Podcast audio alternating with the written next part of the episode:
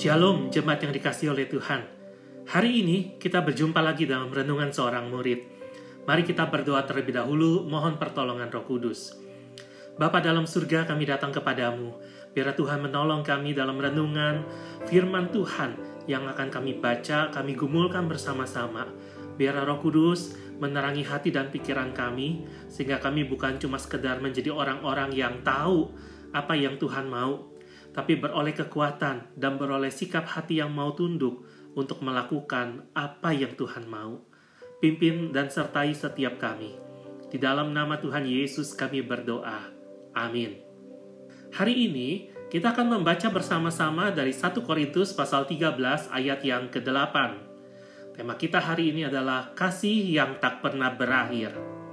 Saya akan membacakan untuk setiap kita. Kasih tidak berkesudahan, nubuat akan berakhir, bahasa roh akan berhenti, pengetahuan akan lenyap. Dalam ayat yang ke-8, kasih dibandingkan dengan beberapa karunia rohani yang sering kali menjadi kebanggaan jemaat di Korintus. Mereka berpikir bahwa yang paling utama sebagai seorang Kristen adalah memiliki karunia untuk bernubuat, berbahasa roh, dan memiliki pengetahuan yang luas. Itulah sebabnya dalam suratnya kepada jemaat di Korintus, Rasul Paulus menegur mereka yang merendahkan orang percaya lainnya hanya karena karunia apa yang mereka miliki dan karunia apa yang tidak mereka miliki. Rasul Paulus seolah ingin menegaskan bahwa semua karunia yang menjadi kebanggaan pribadi itu hanya sementara saja sifatnya, karena berguna untuk membangun kerohanian selama masih hidup di dalam dunia. Tapi waktu semua yang menjadi kebanggaan pribadi tersebut suatu saat akan berakhir, lenyap tanpa bekas. Namun ada satu yang tinggal tetap, yang tidak akan pernah berakhir, yang lebih penting untuk dihasilkan dan dibagikan. Apa itu? Yaitu kasih. Terjemahan bahasa Indonesia sehari-hari mengatakan bahwa tidak pernah akan ada saat di mana orang tidak perlu saling mengasihi. Sekarang ini ada orang yang pandai menyampaikan berita dari Allah, tetapi nanti ia akan berhenti menyampaikan berita itu. Sekarang ada yang pandai berbicara dalam berbagai bahasa yang ajaib, tetapi nanti ia akan berhenti berbicara dalam bahasa-bahasa itu. Sekarang ada orang yang mengetahui banyak hal, tetapi nanti apa yang mereka ketahui itu akan dilupakan. Menarik sekali bukan bahwa tidak akan pernah ada saat di mana orang tidak perlu saling mengasihi. Mengapa demikian? Karena kebutuhan manusia yang utama adalah untuk dikasihi dan untuk diterima apa adanya. Oleh sebab itu benar sekali apa yang Alkitab katakan. Tidak pernah akan ada saat di mana orang tidak saling mengasihi. Setiap orang perlu saling mengasihi, sebab itulah kebutuhan utama manusia di dalam dunia ini. Mengapa kasih disebut tidak pernah berkesudahan, tidak akan pernah berakhir? Ada empat hal yang akan kita renungkan bersama. Yang pertama, kasih disebut tidak pernah berkesudahan, tidak akan pernah berakhir, karena Allah itu kasih.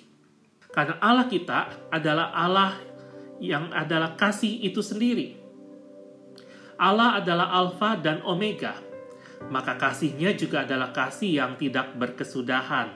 Yang kedua, karena kasih menunjukkan relasi tanpa akhir antara Allah dengan kita, umat ciptaannya.